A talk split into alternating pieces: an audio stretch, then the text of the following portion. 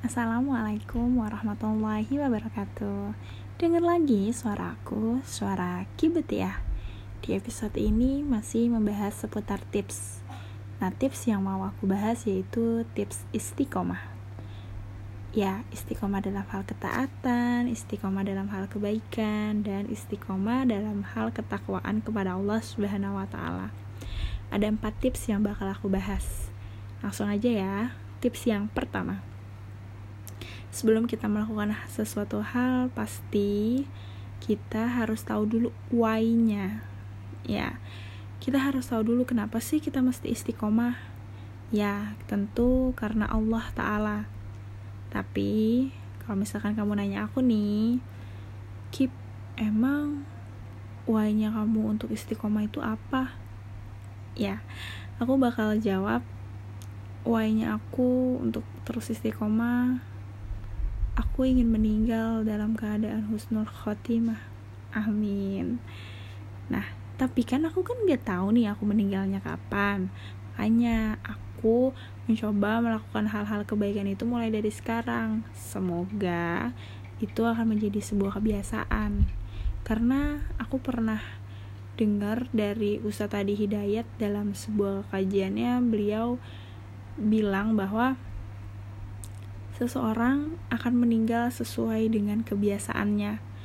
Nah, karena kita nih, kan kita nggak tahu nih kita meninggalnya kapan. Makanya kebiasaannya itu harus dari mulai dari sekarang harus hal-hal yang baik biar nanti kita meninggal dalam keadaan yang baik. Nauzubillah kalau misalkan kita biasanya melakukan hal-hal keburukan mau meninggal dalam keadaan itu. Nauzubillah min zalik. Nah, yang kedua, kita harus cari teman dan lingkungan yang sefrekuensi. Karena dengan begitu kan jadi lebih mudah untuk istiqomahnya. Karena kita teman kita itu kan cerminan diri kita. Kalau misalkan kamu mau lihat bagaimana kamu maka lihatlah teman kamu gitu kan? Nah makanya harus cari teman yang sefrekuensi gitu. Nah yang ketiga cari bacaan yang menguatkan ya karena kan semua itu butuh ilmu kan.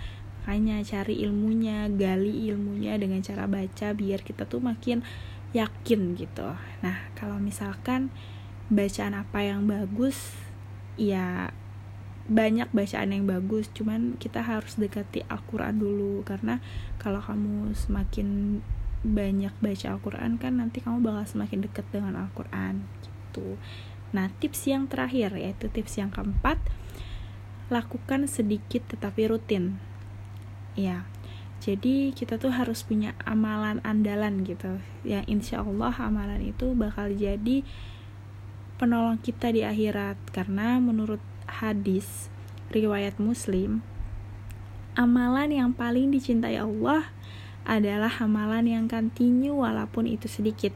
Nah jadi buat teman-teman nih ya pasti kan teman-teman ada satu nih yang suka banget. Kayak misalkan suka sama puasa Senin Kamis ya udah rutinin itu. Sekali aja itu jadi amalan andalan yang bisa nolong kamu di akhirat nanti gitu. Amin amin ya robbal alamin. Oke itu dia empat tips yang terasa mudah ya tapi itu project seumur hidup ya semoga dengan istiqomahnya aku maupun kamu dalam hal kebaikan menentukan juga bagaimana akhirat kita nanti. Amin. Dadah. Wassalamualaikum warahmatullahi wabarakatuh.